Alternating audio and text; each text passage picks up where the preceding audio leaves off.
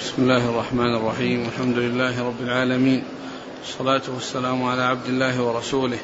نبينا محمد وعلى آله وصحبه أجمعين. أما بعد فيقول أمير المؤمنين في الحديث أبو عبد الله محمد بن إسماعيل البخاري رحمه الله تعالى يقول في كتابه الجامع الصحيح باب وقت الجمعة إذا زالت الشمس.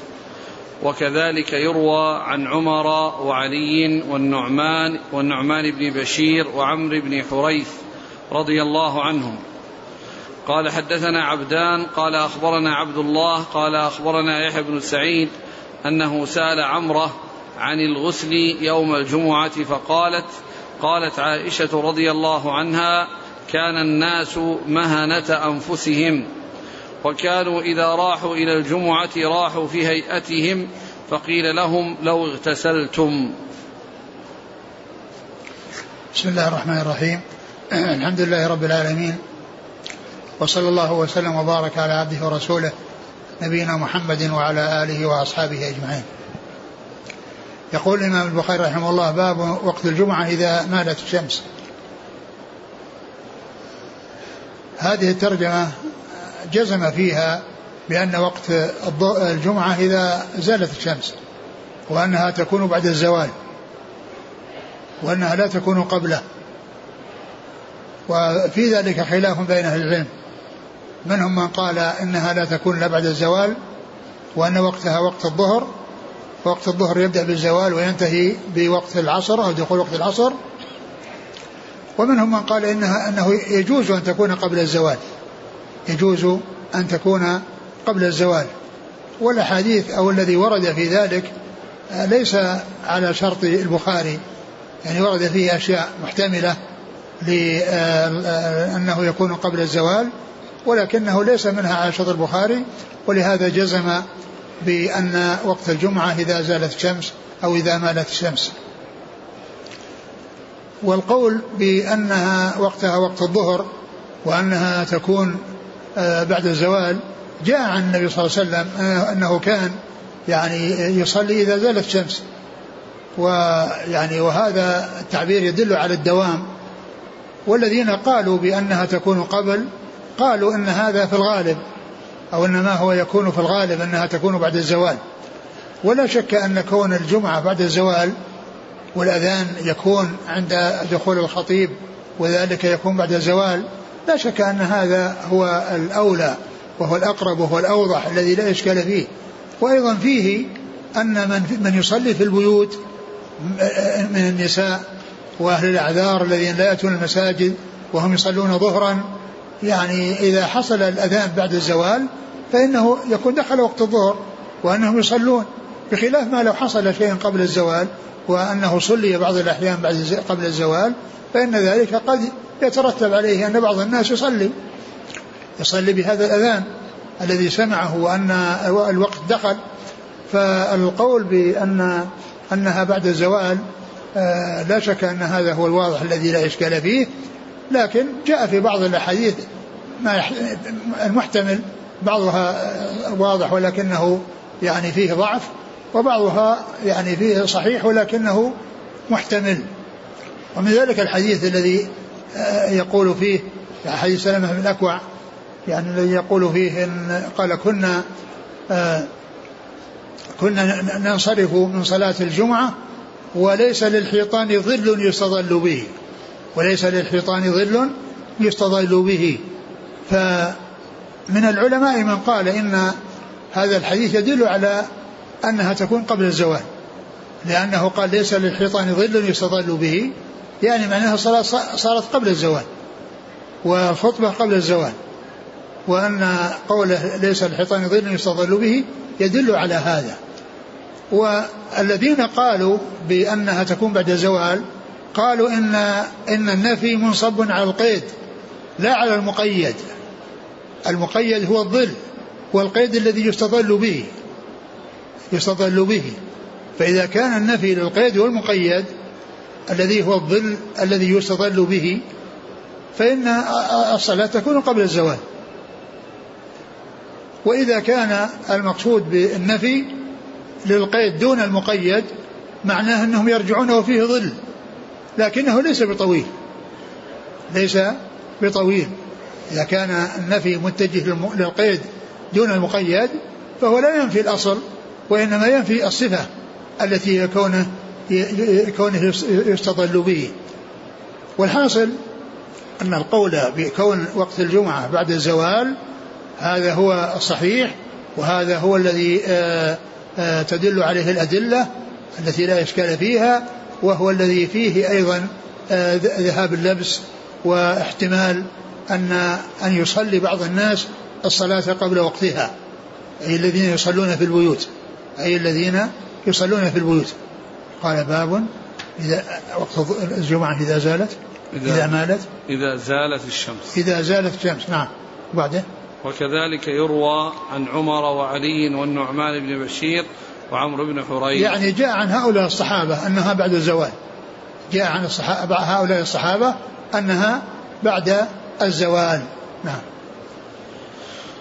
حديث قال يحيى بن سعيد أنه سأل عمرة عن الغسل يوم الجمعة فقالت قالت عائشة رضي الله عنها كان الناس مهنة أنفسهم.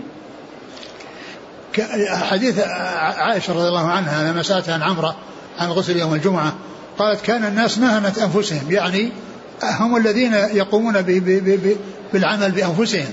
ليس لهم خدم وليس لهم من, من يقوم مقامهم في العمل. فكانوا هم الذين يشتغلون بحرثهم ومزارعهم وكان يعني عندما يأتي الجمعة يأتون وهم على حالتهم التي هم عليها والشمس يعني آه، في وقت الشمس وفي وقت الحر وفيه العرق ويكون هناك روائح. هناك روائح يعني غير حسنة. فالرسول صلى الله عليه وسلم قال لو لو اغتسلتم قال وكانوا إذا راحوا إلى الجمعة راحوا في هيئتهم وكانوا إذا راحوا إلى الجمعة راحوا في هيئتهم التي هم عليها؟ يعني ما في اغتسال ويعني الهيئة التي هم عليها بدون أن يغتسلوا فيكون معهم رائحة بسبب كونهم يعملون وفيهم يعني والعرق ويكون معه الغبار كما مر في حديث سابق يعني قبل هذا أنهم يعني يكونون فيه ال ال ال ال وفيه أنهم يلبسون العباء ويعني ويكون في ذلك يعني أيضا زيادة في الرائحة وحصول الرائحة. نعم. فقيل لهم لو اغتسلتم. فقيل لهم وكانوا إيش يروحون؟ كانوا وكانوا إذا راحوا إلى الجمعة راحوا وكانوا إذا راحوا الجمعة راحوا بهيئتهم. فكلمة راحوا يعني معناها أنهم يعني كأن المقصود أن البخاري يريد أنهم يأتون في الرواح وأنهم يأتون متأخرين وأن الصلاة تكون في وقت الزوال بعد الزوال لأن هذا هو الوقت الذي يكون فيه الرواح. لكن سبق أن عرف عرفنا أن الرواح يأتي بمعنى الذهاب ومن أجل ذلك الحديث السابق من راح في الساعة الأولى من راح في الساعة الثانية ومن راح في الساعة الثالثة ومن راح في الساعة الرابعة. يعني معناه أنهم يبكرون. وقد جاءت الأحاديث في التبكير الجمعة وأن الإنسان إذا بكر يعني يحصل له أجور ويحصل له ثواب وأنه يحصل له أعمال آه، يعملها لا تحصل لمن جاء متأخرا لا تحصل لمن جاء متأخرا. فكانوا يروحون يروحون يعني يأتون إلى الصلاة ففيه يعني كأنه يقصد الإشارة إلى أنهم يأتون يعني بعد الزوال. يأتون يعني بعد الزوال وفيهم فيه منهم من يأتي بعد الزوال وفيه هذه الرائحة. فيكون في ذلك يعني ضررا على الناس الذين في المسجد والذين يعني جاءوا للمسجد. يعني فأصحاب هذه الرائحة يتأذون من رائحتهم. فقال فقال النبي صلى الله عليه وسلم لو فقيل لهم لو اغتسلتم. فقيل لهم نعم. فقيل لهم لو اغتسلتم. لو اغتسلتم. والحديث سبق أن مر بنا. وأن كلمة لو اغتسلتم هذه تحتمل أن تكون ل ل يعني ل للتمني. وعلى هذا تحتاج إلى خبر. لو وأنها تكون شرطية وجوابه محذوف والتقدير لكان أحسن. لو اغتسلتم لكان أحسن. وقيل أن هذا هو الأصل الذي كان فيه آه، أو السبب الذي به شرع غسل الجمعة. السبب الذي به غسل الجمعة.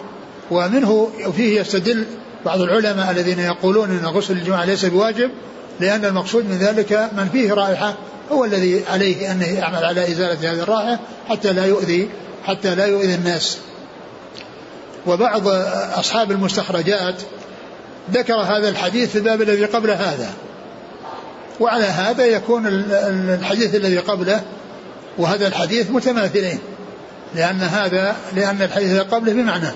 إيش الحديث اللي قبله؟ اللي في الباب اللي قبله؟ كان الناس ينتابون يوم الجمعة من منازلهم والعوالي فيأتون في الغبار يصيبهم الغبار والعرق فيخرج منهم العرق. فأتى رسول الله صلى الله عليه وسلم إنسان منهم وهو عندي فقال النبي صلى الله عليه وسلم لو أنكم تطهرتم بيومكم هذا.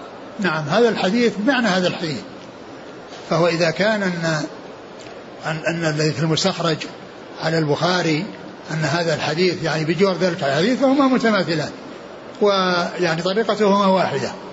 وعلى هذا يكون ليس من باب ألو...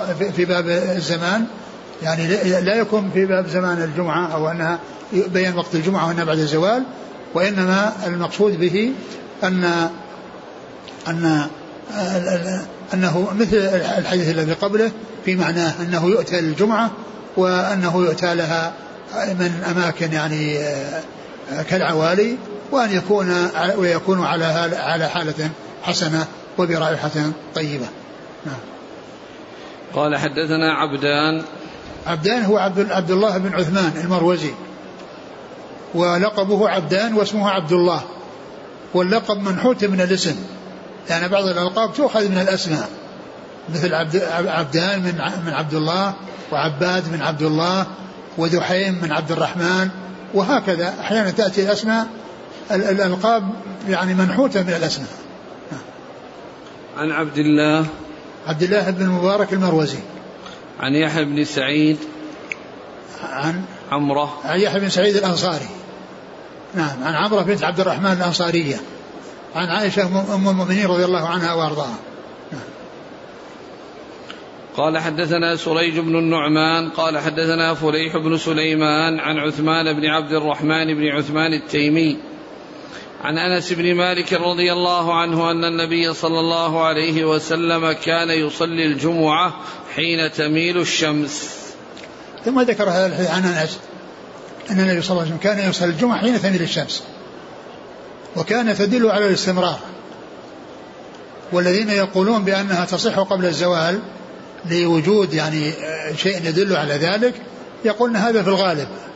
إن في غالب أحواله صلى الله عليه وسلم أنها تكون بعد الزوال كأن يصلي الجمعة إذا إذا مالت الشمس يعني مالت يعني من مالت من الشرق بحيث ذهبت إلى الغرب وصار الزوال وجد لأن لأنها إذا صارت على الرؤوس وقام قائم الظهيرة هذا منتصف النهار فإذا زالت وصار الظل بدل ما كان متجها إلى الغرب تحول متجها إلى الشرق عند ذلك يكون الزوال.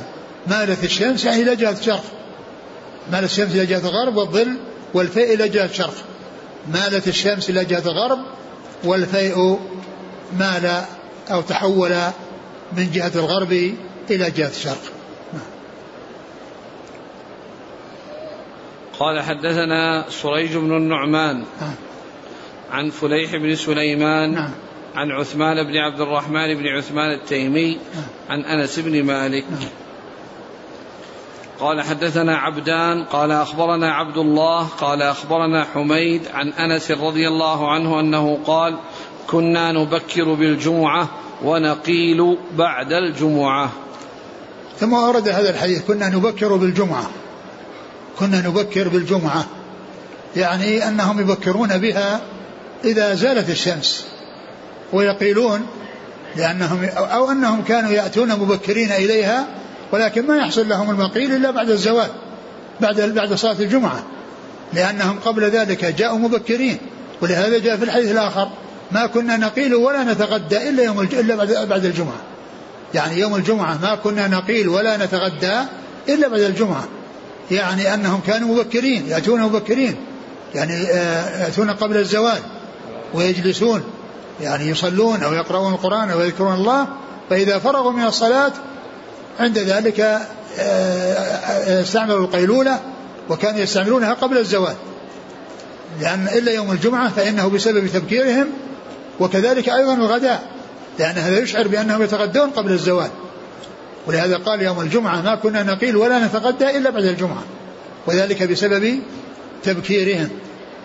فإذا كلمة هنا يعني كنا نبكر في نبكر في كنا نبكر بالجمعة. كنا نبكر بالجمعة يعني أن الصلاة في أول وقتها يعني وفي أول وقت الظهر الذي هو بعد الزوال ولا يقيلون إلا بعد إلا بعد الزوال. يعني أنهم كانوا قبل الزوال لا يتمكنون لأنهم قد بكروا في الذهاب إلى المسجد والبقاء فيه حتى أدوا الصلاة وانصرفوا إلى بيوتهم وعند ذلك يتغدون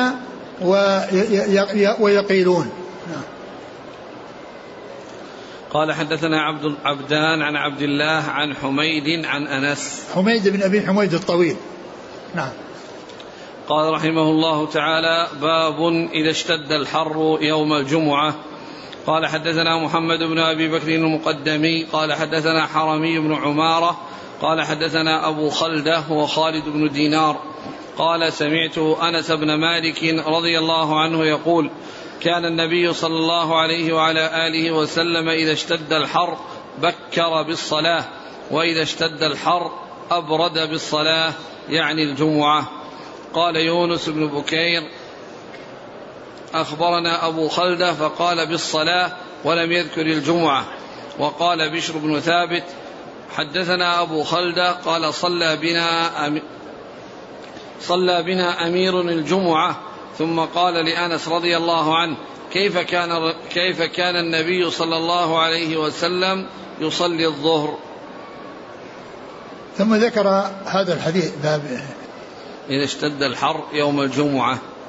إذا اشتد الحر يوم الجمعة. إذا اشتد الحر يوم الجمعة. يعني ذكر هذا الحديث الذي هو مطلق. ولكنه جاء في في بعض بعض الفاظه يعني الجمعة. يعني الجمعة. ولكن الأصل أن هذا معروف في الظهر. الظهر هي التي يصير بها الإبراد. وأما الجمعة فالناس جاءوا مبكرين من أول النهار. وتأخير الإبراد والإبراد يعني يترتب عليه مضرة. يعني في حقهم لأنهم منحبسون وقد يكون في حاجة إلى قضاء يعني الانسان يقضي حاجته. فهذا يناسب الظهر الذي هو الإبراد. ولهذا جاءت الأحاديث فيها ذكر الظهر وبعضها قال يعني الجمعة. وإذا الأصل والثابت أنه, أنه, أنه الظهر أن هذا في حق الظهر هي التي يبرد بها. وأما الجمعة فالإبراد بها وتأخيرها معناه يترتب على ذلك إطالة الوقت على الذين جاءوا في الساعة الأولى. وقد يكونوا بحاجة إلى يعني قضاء حاجاتهم بأن يكونوا بحاجة إلى الوضوء نقض الوضوء والوضوء. فأورد هذا الحديث وقال إذا الحر إذا باب الجمعة إذا اشتد الحر. إذا اشتد الحر يوم الجمعة. إذا اشتد الحر يوم الجمعة. يعني هل هل تؤجل وهل يعني تؤخر؟ ويعني يحصل فيها الإبراد أو أن هذا إنما هو في الظهر. الأحاديث التي أوردها وكذلك أوردها غيره هي في الظهر. وفي بعضها مطلق بالصلاة. ومعلوم أن الذي يتكرر هو الظهر وأيضا هو الذي الناس يأتون فيه عند عند عند, عند الزوال وعند الأذان. يعني بخلاف الجمعة فإنهم يأتون من أول النهار. فلو أبرد بها لصار في ذلك مشقة. لكان في ذلك مشقة على الناس. ولكن الرسول صلى الله عليه وسلم كان يصلي في البرد يعني في غير الحر يعني في أول الوقت يعني اللي هو الظهر. وإذا اشتد الحر أبرد بها. إذا اشتد الحر أبرد بها. وأما الجمعة فإنها تكون في أول الوقت تكون في أول الوقت ليتمكن الذين جاءوا مبكرين من من الرجوع إلى أهليهم وقضاء حاجاتهم التي كانوا مدة منحبسين عن عن عن, عن كل واحد منهم يقضي حاجته. فإذا يكون الكلمة يعني الجمعة يعني جاءت من بعض الرواة والذي جاء منصوصا عليه ذكر الظهر وأن الإبراد بالظهر وأن الأحاديث المتعددة جاءت في الإبراد بالظهر. لكن لو أخرت الصلاة يعني قليلا لا بأس لكن كونه يبكر بها في أول وقتها بعد الزوال من أجل أن الناس آه، لا يحصل عليهم ضرر بالتأخير لا شك أن هذا هو الأولى وهذا هو الذي تقتضيه النصوص. نعم. قال حدثنا محمد بن أبي بكر المقدمي نعم. عن حرمي بن عمارة نعم. عن أبي خلدة خالد بن دينار نعم. عن أنس بن مالك نعم.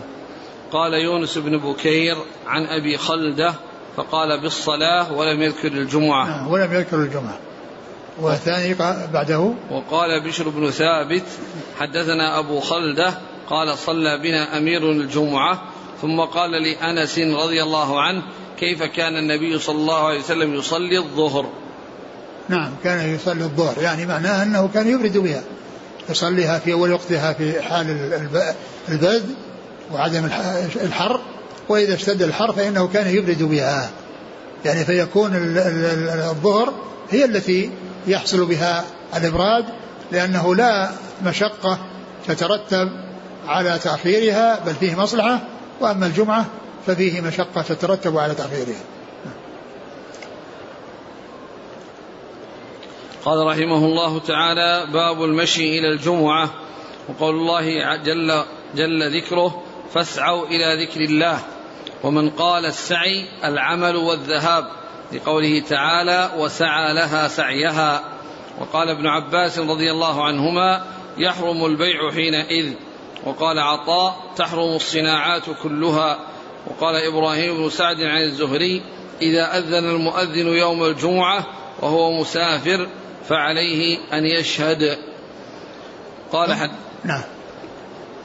قال حدثنا قال حدثنا علي بن عبد الله قال حدثنا الوليد بن مسلم قال حدثنا يزيد بن أبي مريم قال حدثنا عباية بن رفاعة قال أدركني أبو عبس رضي الله عنه وأنا أذهب إلى الجمعة فقال سمعت النبي صلى الله عليه وسلم يقول من اغبرت قدماه في سبيل الله حرمه الله على النار. ثم ذكر هذه الترجمة وهي باب المشي إلى الجمعة. باب المشي إلى الجمعة. يعني كل إنسان يمشي إليها مشيا لا شك أن هذا هو أفضل لأن آه، الأجر على قدر النصب والمشقة. الأجر على قدر النصب والمشقة. وكذلك آه، الإنسان آه، كل خطوة يخطوها يرفع يرفع بها درجة ويحط عنه بها خطيئة. وكذلك أيضا إذا وصل المسجد وصلى ما شاء أن يصلي وجلس فإن فإنه في صلاة في صلاة ما انتظر الصلاة. ف آه، آه، قال باب المشي إلى الجمعة ثم قال وقول الله جل ذكره فاسعوا إلى ذكر الله. باب فاسعوا إلى ذكر الله. المقصود بذلك السعي هو المشي. يعني المشي المشي بهدوء وبسكينة ووقار. وليس المقصود بالسعي الجري والركض. وإنما يأتي بالهدوء يعني سواء كان مبكرا أو متأخرا. ولهذا قال النبي صلى الله عليه وسلم في الصلاة في, في عند تقام الصلاة إذا قام امشوا إذا قام الصلاة فامشوا عليكم السكينة. فامشوا عليكم السكينة. ما أدركتم فصلوا وما فاتكم فأتموا. فلا يكون حتى مع وجود الإقامة وأن الصلاة يعني سيفوت تفوت أو يفوت منها شيء فإن الإنسان يمشي وعليه السكينة والوقار ولا يمشي يعني يجري جريا. فقال اسعوا إلى ذكر الله. بين أن المقصود ذلك ليس السعي الذي هو الجري كما يكون في المسعى. يعني يسعى بين العلمين بأنه يسرع يعني يمشي في يعني يقولون في المسعى أنه يمشي في موضع المشي ويسعى في موضع السعي. السعي الذي بين العلمين فيه إسراع وجري. ف فإن المقصود بالسعي هو العمل. العمل يعني والمشي يعني العمل والذهاب. يعني هذا المقصود به ليس المقصود به الإنسان يجري لأنه جاء في بعض الحديث ما يبين أن أن حتى لو قيم الصلاة الإنسان يمشي عليه السكينة فما أدرك صلى وما فاته قضاه. و... نعم. إيش قال في السعي؟ وقول الله عز وجل نعم. فاسعوا إلى ذكر الله. نعم فسرها. ومن قال السعي العمل والذهاب. ومن قال السعي العمل والذهاب وليس السرعة والركب. لأنه فسر هذا بالعمل. والعمل أن يكون يمشي وكذلك يذهب لأن العمل يعني سعي. والإنسان يعني ذكر الآية أراد الآخرة وسعى لها سعيها. يعني عمل العمل الصالح الذي يؤدي إليها أو الذي ينفع فيها وسعى لها سعيها يعني عمل الأعمال الصالحة لأنه يراد به العمل ويراد به الذهاب.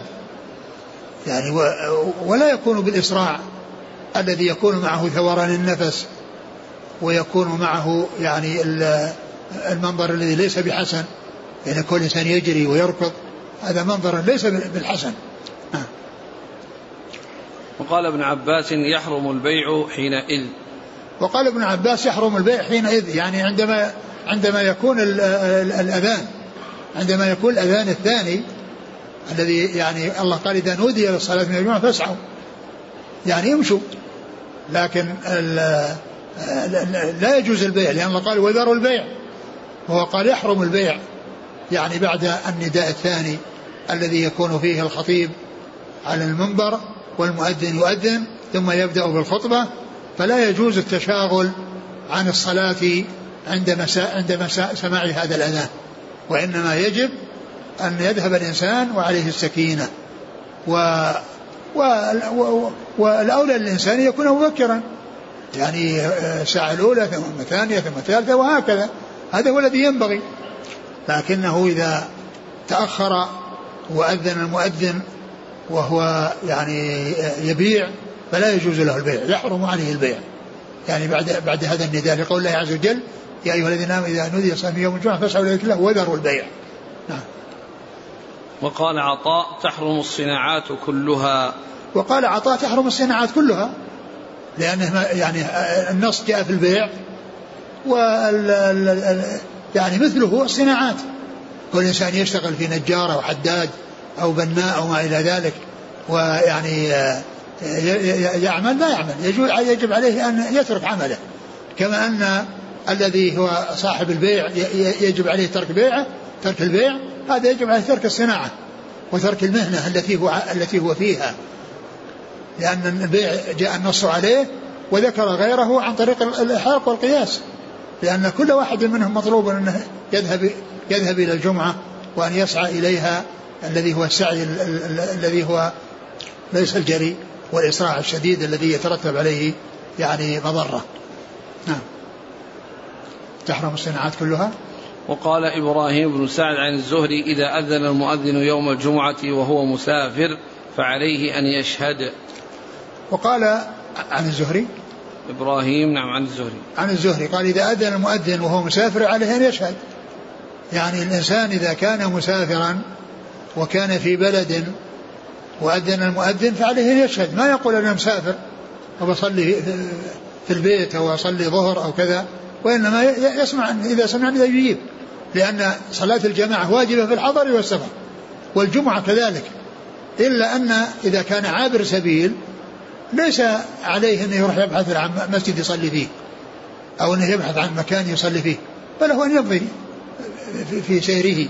لكن إذا كان في بلد وهو مسافر وسمع الأذان فإنه عليه أن يشهد الجمعة عليه أن يشهد الجمعة ويذهب إليها. ولا يتركها لأنه مسافر لأن صلاة الجماعة والجمعة واجبة حتى في حال الخوف.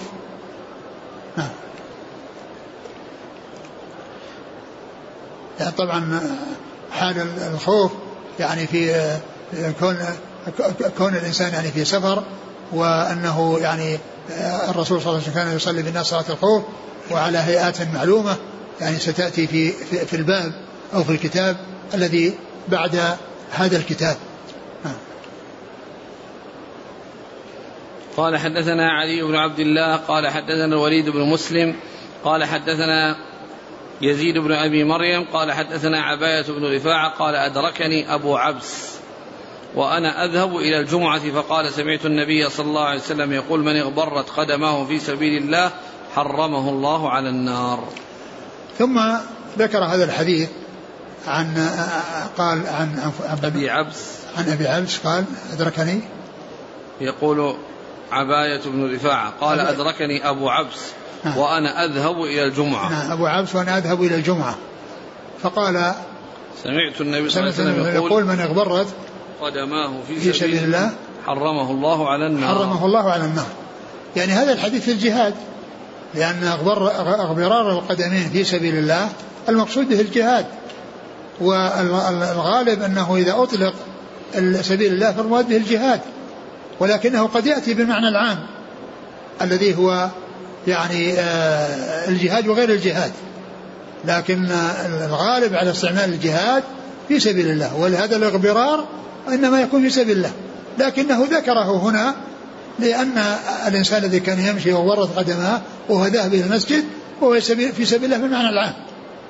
أما المعنى الخاص لسبيل الله فهو الجهاد. ولهذا لما ذكرت الصدقات وأهل الصدقات وفيهم في سبيل الله المقصود به الجهاد.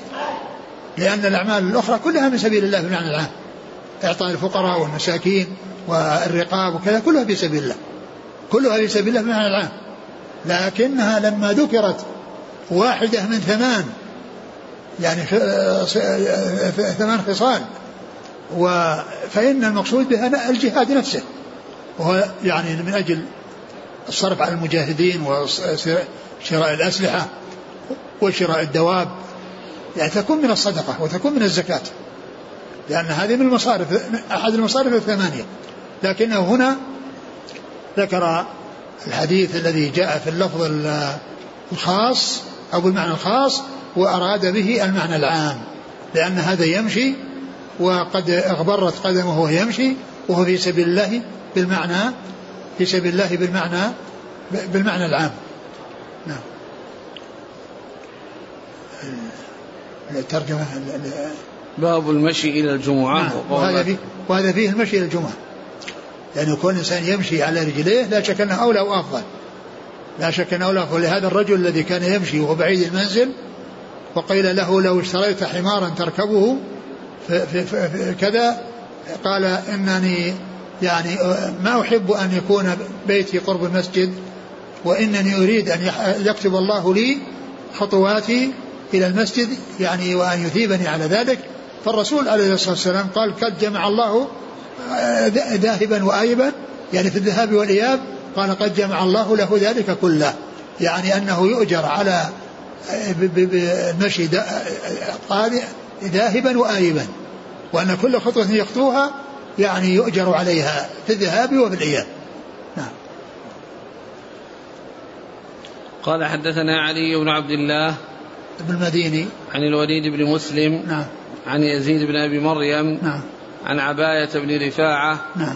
عن أبي عبس نعم. عبد الرحمن بن جبر الأنصاري صحابي. ليس له هذا الحديث الحجر يقول ليس له إلا هذا عند البخاري. حديث؟ أبو جبر أبو إيه. عبس. نعم يقول ليس له إلا هذا الحديث؟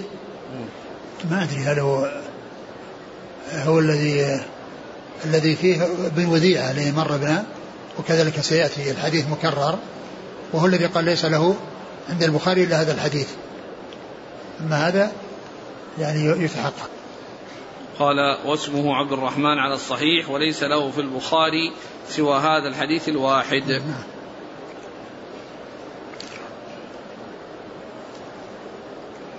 هذا اللي يسمونه يقول له فرد حديث. عندما يأتون للشخص الذي يعني مقل وليس له حديث واحد قال له فرد حديث. والذي يعتني بذكر هذا هو صاحب الخلاصة.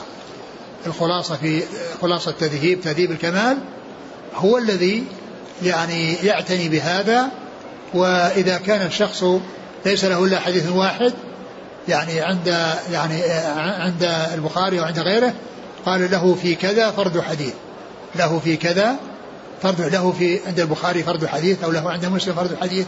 نعم. قال حدثنا آدم قال حدثنا ابن أبي ذئب قال الزهري عن سعيد وأبي سلمة عن أبي هريرة رضي الله عنه عن النبي صلى الله عليه وسلم قال وحدثنا أبو اليمان قال أخبرنا شعيب عن الزهري قال أخبرني أبو سلمة بن عبد الرحمن أن أبا هريرة رضي الله عنه قال سمعت رسول الله صلى الله عليه وسلم يقول إذا أقيمت الصلاة فلا تأتوها تسعون وأتوها تمشون عليكم السكينة فما أدركتم فصلوا وما فاتكم فأتموا. ثم ذكر هذا الحديث عن أبي هريرة وهو عام يشمل الجمعة وغير الجمعة. ولهذا أورده في باب المشي إلى الجمعة مع أنه لفظ عام. يعني فتدخل الجمعة فيه فالإنسان لا يسعى ويجري للجمعة ولا لغير الجمعة وإنما يمشي وعليه السكينة سواء للجمعة أو غير الجمعة. نعم. قال حدثنا آدم نعم. عن ابن أبي ذئب نعم. عن هو محمد بن عبد الرحمن. عن الزهري عن سعيد وأبي سلمة. نعم.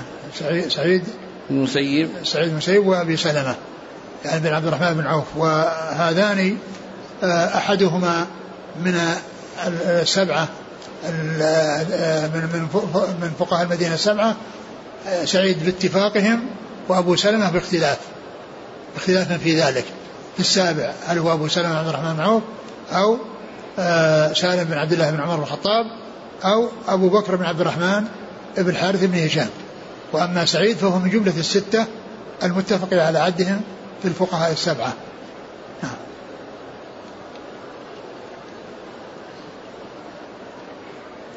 قال وحدثنا أبو اليمان.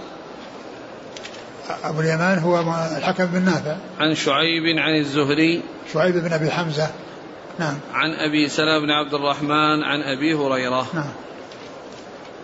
قال حدثنا عمرو بن علي قال حدثنا أبو قتيبة قال حدثنا علي بن المبارك عن يحيى بن أبي كثير عن عبد الله بن أبي قتادة لا أعلمه إلا عن أبيه رضي الله عنه عن النبي صلى الله عليه وسلم قال لا تقوموا حتى تروني وعليكم السكينة.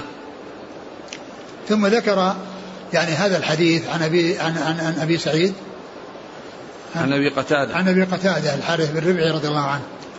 أن النبي صلى الله عليه وسلم قال لا تقوموا حتى تروني وعليكم السكينة. لا تقوموا حتى تروني.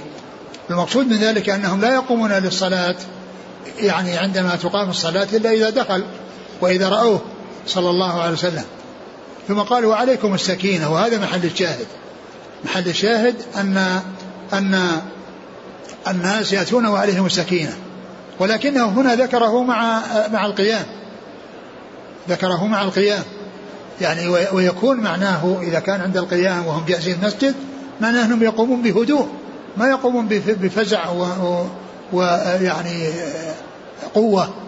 يعني إذا كان المقصود به يعني ما يتعلق بالحاضرين الذين يعني قيل لا تقوموا حتى تروني يعني والذين هم في انتظار الصلاة وذلك عند الإقامة فالسكينة في هذا أن يقوم بهدوء لكن الذهاب الذي أورده المصنف في الذهاب إلى المسجد والمشي إلى المسجد. أورده في في باب المشي.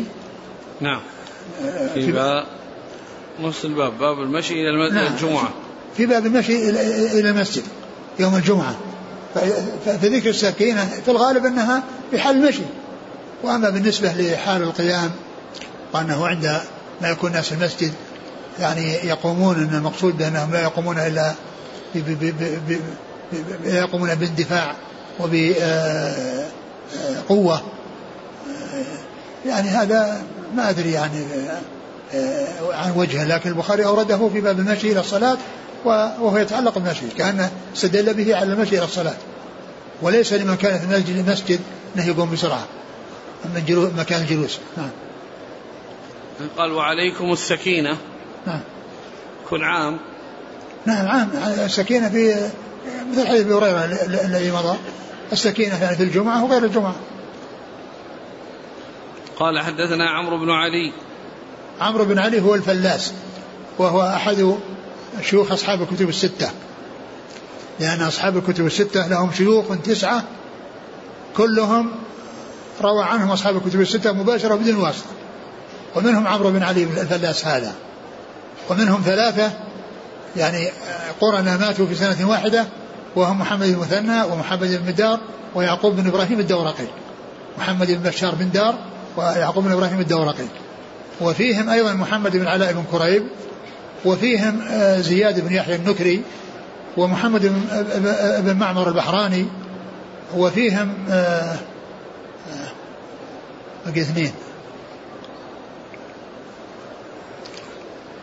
أبو سعيد الأشج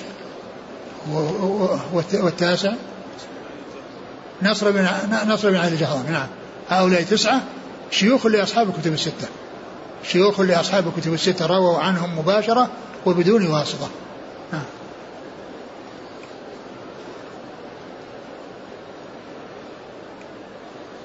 عن أبي قتيبة. أبو قتيبة هو سلم بن قتيبة. سلم بن قتيبة. كنيته توافق اسم أبيه. توافقه اسم أبيه. و ويعني من يسمى قتيبة هذا نادر في الرجال. ولهذا قيل في قتيبة بن سعيد أنه لا يوجد في أصحاب الكتب الستة من اسمه قتيبة إلا قتيبة بن سعيد. وهو اسم مفرد لم يتكرر في الكتب الستة. يعني شخص باسم قتيبة إلا قتيبة بن سعيد. وأما هذا فهو أبو, أبو قتيبة وهو سلم بن قتيبة. سلم ابن قتيبة. ف وكنيته توافق اسم أبيه. ومعرفة وكون الرجل توافق كنية اسم أبيه هذا من أنواع علوم الحديث يعني ويقولون فائدة معرفته أن لا يوهم التصحيف بين ابن وأبي. يعني لو قيل سلم أبو قتيبة وإنسان يعرف أنه ابن قتيبة. يعني يظن أن, أن, أن أبو مصحفة. لكن من يعرف أن سلم بن قتيبة يعني هو أبو قتيبة وأبوه قتيبة. لا يلتبس عليه سواء قيل سلم أبو قتيبة أو سلم بن قتيبة. لا تصحيف فيهما لأن هذا صحيح وهذا صحيح. ومن العبارات الغريبة أو اللطيفة التي ذكرت في ترجمته أن يحيى القطان قال ليس من جمال المحامل. ليس من جمال المحامل. يعني كأنه يعني هذا توهين يعني له. لكن التعبير بقول جمال المحامل جمال المحامل الجمال هي التي تحمل الأثقال ويستفاد منها كثيرا. يعني كأنه أشار إلى أنه ليس يعني في آه، ممن يوصفون بأنهم في هذه القوة وفي هذه المنزلة. قال ليس من جمال المحامل. نعم. عن علي بن المبارك. نعم. عن يحيى بن أبي كثير. عن عبد الله بن أبي قتادة. عن أبي قتادة. نعم. أبو قتادة الحارث بن ربعي الأنصاري رضي الله عنه. قال رحمه الله تعالى باب لا يفرق بين اثنين يوم الجمعة. قال حدثنا عبدان قال أخبرنا عبد الله قال أخبرنا ابن أبي ذئب عن سعيد المقبوري عن أبيه عن ابن وديعة عن سلمان الفارسي رضي الله عنه أنه قال قال رسول الله صلى الله عليه وسلم من اغتسل يوم الجمعة وتطهر بما استطاع من طهر ثم ادهن أو مس من طيب ثم راح فلم يفرق بين اثنين فصلى ما كتب له ثم إذا خرج الإمام أنصت غفر له ما بينه وبين الجمعة الأخرى. هذا الحديث سبق أن مر قريبا للاستدلال به على على الادهان أو التطيب أو غير ذلك من هذه الخصال. واعاده هنا من أجل ولم يفرق بين اثنين. ولم يفرق بين اثنين. لأن هذه من جملة الخصال التي وصف النبي صلى الله عليه وسلم من جاء إلى المسجد وحصلت منه هذه الأمور المجتمعة أنه يغفر له ما بينه وبين الجمعة. والتفريق بين الاثنين يعني كونه يعني يعني يفرق بينهما يعني يعني بأن يضيق عليهما بأن يكونوا في مكان وثم يأتي ويدخل بينهما ويضيق عليهما ويشغلهما بالزحام أو أنهم يعني كانوا يعني آآ آآ يعني بينهم ألفة وبينهم صداقة وأنهم يعني يحبون أن يكون أن يكونوا مع بعض فجاء ويعني فصل بينهم. فالحاصل أن من من وأيضا كذلك يعني كون يأتي يفرق بين اثنين من أجل أنه يذهب إلى إلى أماكن متقدمة فإن هذا أيضا فيه محذور وهي أن الإنسان يعني يحصل فيه التخطي. قد يكون يعني هذا من التفريق بين يعني بالتخطي. وأن يتخطى رقاب الناس أو أنه يعني يجلس بينهم على على هيئة يكون فيها إضرار بهم بسبب الزحمة. لكن إذا كان هناك أماكن أو فجوة لا يوصل إليها إلا بهذا بأن يعني يطلب منهم يفتحوا له الطريق أو يعني يتأخر بعضهم عن بعض حتى يمشي وحتى لا يعني آه، يتخطى رقابهما. فإن ذلك له وكان الأولى بمن بمن وراء هذه الفرجة أن يسدها وأن يتقدم إليها. لا يضطر أحد بعيد أن يرتكب يعني هذا الشيء الذي فيه يعني ضرر على الناس فيصل إليها بهذا التخطي أو بهذا الفصل بين الناس وإنما عليه على على من كان قريبا من الفرجة أن يسدها. هو الذي يتقدم إليها. حتى كل يعني يغلق المكان الذي أمامه وتبقى الصفوف متصلة. لا فرج فيها. لا فرج فيها. حتى ولو كانت الصلاة لم تقم الصفوف يقرب الناس بعضهم بعض إلى جهة الإمام. فإذا كان الإمام إلى جهة اليسار يعني يتقدم بعضهم إلى بعض أو يعني إلى جهة اليسار. وإن كان اليمين في جهة اليمين يتجهون إلى جهة اليمين. وهكذا. نعم. والحديث سبق أن مر قريبا نعم قال حدثنا عبدان عن عبد الله عن ابن أبي ذئب عن سعيد المقبوري عن أبيه عن ابن وديعة نعم. عن سلمان الفارسي نعم. قال رحمه الله تعالى باب لا يقيم الرجل أخاه يوم الجمعة ويقعد في مكانه قال حدثنا محمد قال أخبرنا مخلد بن يزيد قال أخبرنا ابن جريج قال سمعت نافعا يقول سمعت ابن عمر رضي الله عنهما يقول نهى النبي صلى الله عليه وعلى آله وسلم أن يقيم الرجل أخاه من مقعده ويجلس فيه. قلت لنافع الجمعة؟ قال الجمعة وغيرها. نعم ذكر ذكر هذا الحديث ذكر الترجمة وهي أن أنه لا يقيم الإنسان يعني آه، أخاه يوم الجمعة ويقعد مكانه. باب لا يقيم غيره. لا يقيم الرجل أخاه يوم الجمعة ويقعد في مكانه. لا يقيم الرجل أخاه يوم الجمعة ويقعد في مكانه. ف آه، المقصود من هذه الترجمة أن الإنسان يأتي ويجلس حيث ينتهي, ينتهي به الصف ولا يقيم أحدا ويجلس مكانه ولا يقيم أحدا ويجلس مكانه. لكن آه، وقد أورد المصنف هذا الحديث وفيه نهي الرسول عليه الصلاة والسلام عن أن يقيم الرجل آه، آه، غيره ويجلس مكانه وهذا لفظ مطلق فسئل الصحابي فقيل له يوم الجمعة قال الجمعة وغيرها. يعني أن لفظ الحديث مطلق يدخل فيه الجمعة وغير الجمعة. وأورده هنا لعموم الدليل للجمعة وغيرها وأيضا تصريح أيضا الصحابي لما سئل قال الجمعة وغيرها لأن الحديث مطلق وتدخل فيه الجمعة وغير الجمعة. نعم.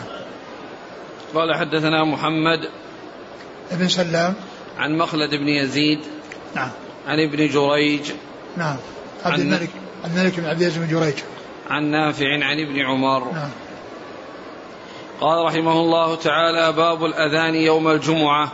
قال حدثنا آدم قال حدثنا ابن أبي ذئب عن الزهري عن السائب بن يزيد رضي الله عنه أنه قال كان النداء يوم الجمعة أوله إذا جلس الإمام على المنبر على هدي النبي صلى الله عليه وعلى آله وسلم وأبي بكر وعمر رضي الله عنهما.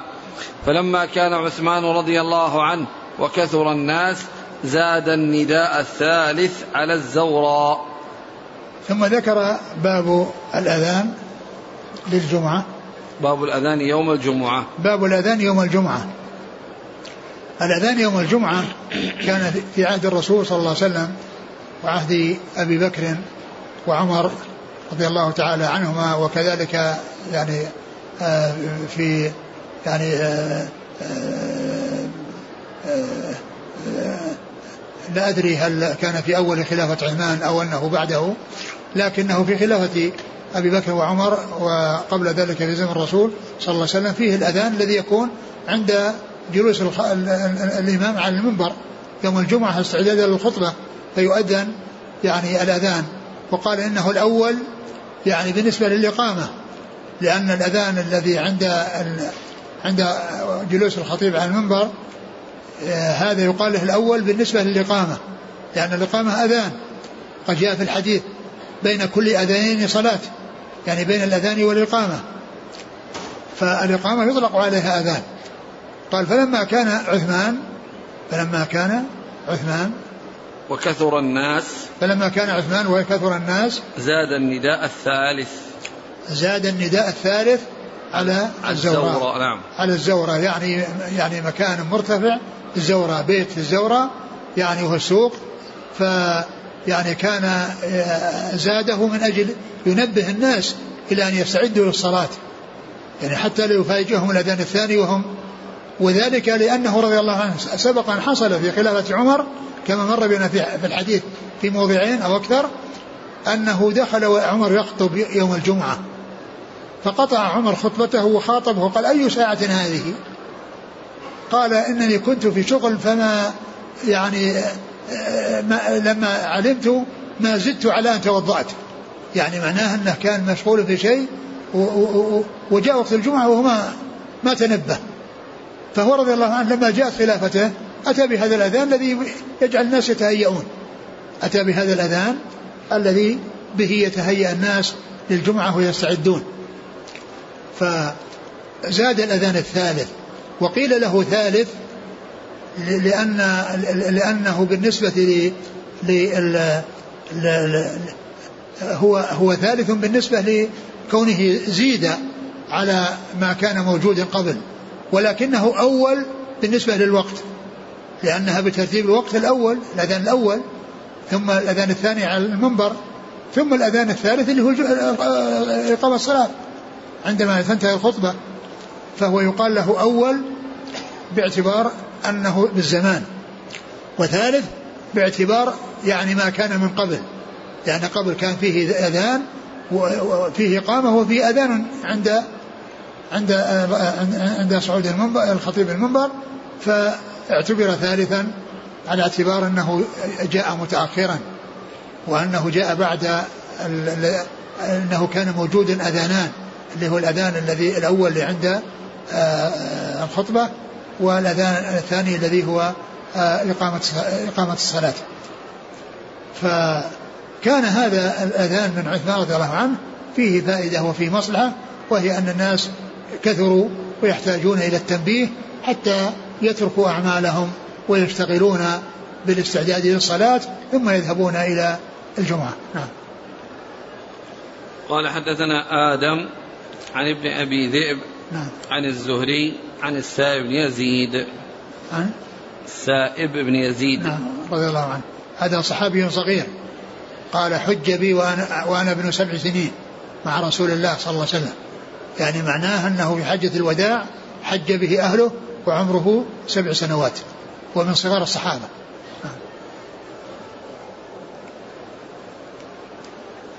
عن بن يزيد إيش كان؟ إيش قال؟ قال كان النداء يوم الجمعة نعم. نعم نعم قال رحمه الله تعالى باب المؤذن الواحد يوم الجمعة قال حدثنا أبو نعيم قال حدثنا عبد العزيز بن أبي سلمة الماجشون عن الزهري عن السائب بن يزيد رضي الله عنه أن الذي زاد التأذين الثالث يوم الجمعة عثمان بن عفان رضي الله عنه حين كثر أهل المدينة ولم يكن للنبي صلى الله عليه وسلم مؤذن غير واحد وكان التأذين يوم الجمعة حين يجلس الإمام يعني على المنبر. ثم ذكر المؤذن الواحد باب المؤذن الواحد وهو أن النبي صلى الله عليه وسلم ليس له إلا مؤذن واحد وهو يؤذن إذا كان على المنبر فإنه يؤذن بين يديه صلوات الله وسلامه وبركاته عليه. وأما ولما جاء عثمان وكثر الناس حصل هذه الزيادة فكان هذا المؤذن أو المؤذن الثاني أو الأذان الثاني الذي كان متقدما من أجل تنبيه الناس هذا حصل في عهد عثمان رضي الله عنه. حصل في عهد عثمان. فهو أورده هنا من أجل أنه في زمن صلى الله عليه وسلم ليس له إلا مؤذن واحد يعني يوم الجمعة. وهو الوقت الذي كان جالسا فيه على المنبر في انتظار فراغ الأذان ثم البدء بالخطبة. نعم. قال حدثنا أبو نعيم. الفضل بن دكين. عن عبد العزيز بن أبي سلمة الماجشون نعم. عن الزهري عن السائب بن يزيد نعم. قال رحمه الله تعالى باب يؤذن الإمام على المنبر إذا سمع النداء قال حدثنا ابن مقاتل قال أخبرنا عبد الله قال أخبرنا أبو بكر بن عثمان بن سهل بن حنيف عن عن أبي أمامة بن سهل بن حنيف قال سمعت معاوية بن أبي سفيان رضي الله عنهما وهو جالس على المنبر. نعم. هذه هذه الترجمة والحديث. باب يؤذن الإمام على المنبر إذا سمع النداء. قال حدثنا ابن مقاتل قال أخبرنا عبد الله قال أخبرنا أبو بكر بن عثمان بن سهل بن حنيف عن أبي أمامة بن سهل بن حنيف أنه قال سمعت معاوية بن أبي سفيان رضي الله عنهما وهو جالس على المنبر أذن المؤذن. قال الله أكبر الله أكبر. قال معاوية الله أكبر الله أكبر. قال أشهد أن لا إله إلا الله. فقال معاوية وأنا. فقال أشهد أن محمدا رسول الله. فقال معاوية وأنا. فلما انقضى التأذين قال يا أيها الناس إني سمعت رسول الله صلى الله عليه وسلم على هذا المجلس حين أذن المؤذن يقول ما سمعتم مني من مقالتي. ثم ذكر باب تأذين الإمام إذا سمع تأذين الإمام على المنبر. نعم. المنبر إذا سمع النداء. المقصود بتأذين الإمام هنا ليس الأذان والمقصود به أنه رفع صوته بإجابة المؤذن. يعني المؤذن رافع الصوت وهذا رفع صوته ليعلم الناس. رفع صوته رضي الله عنه ليعلم الناس فأطلق عليه تأذين أنه تأذين الإمام يعني أنه أتى بهذا الذي أتى به المؤذن بصوت مرتفع من أجل تعليم الناس. من أجل تعليم الناس يعني هذه السنة وهي إجابة المؤذن. فالمقصود بتأذين الإمام هو إجابته المؤذن ولكن كل إنسان يجيب بينه وبين نفسه. ولكن معاوية رضي الله عنه أراد أن يعلم الناس هذه السنة على المنبر وهذه طريقة أصحاب رسول الله صلى الله عليه وسلم فإنهم كانوا يعلمون الناس الأحكام الشرعية على المنبر. يعني مثل مثل مثل, مثل ما جاء عن عمر رضي الله عنه كان يعلم الناس التشهد وهو على المنبر. التحيات لله والصلوات والطيبات. يعني يقرأ عليهم. فهذا شأنهم رضي الله عنهم. كانوا يعلمون الناس الدين على المنابر ويبينون الناس الأحكام الشرعية. فإذا قوله تأذين لأنهم يسمعونه. يعني كما يسمع المؤذن يسمعون معاوية. ومعاوية رضي الله عنه قال هذا الكلام ليسمعوه جميعا ولتعم الفائدة وليكثر الآخذون عنه. هذه السنة عن رسول الله عليه الصلاة والسلام ورضي الله تعالى عن الصحابة أجمعين. لما قال المؤذن يعني وهو بين يديه الله أكبر الله أكبر قال معاوية الله أكبر الله أكبر. ولما قال أشهد لا قال وأنا ولما قال يعني آه، آه، آه، أشهد أن محمد رسول قال وأنا يعني معناه أنه كمل أنه كمل ألفاظ الأذان ولكنه أشار إلى أولها لأنه يعني ذكر في الأول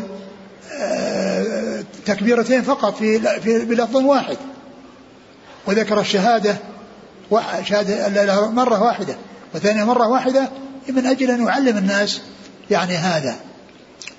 وهذا الذي جاء عن عن عن, عن معاوية رضي الله عنه جاء في حديث في صحيح مسلم عن عمر.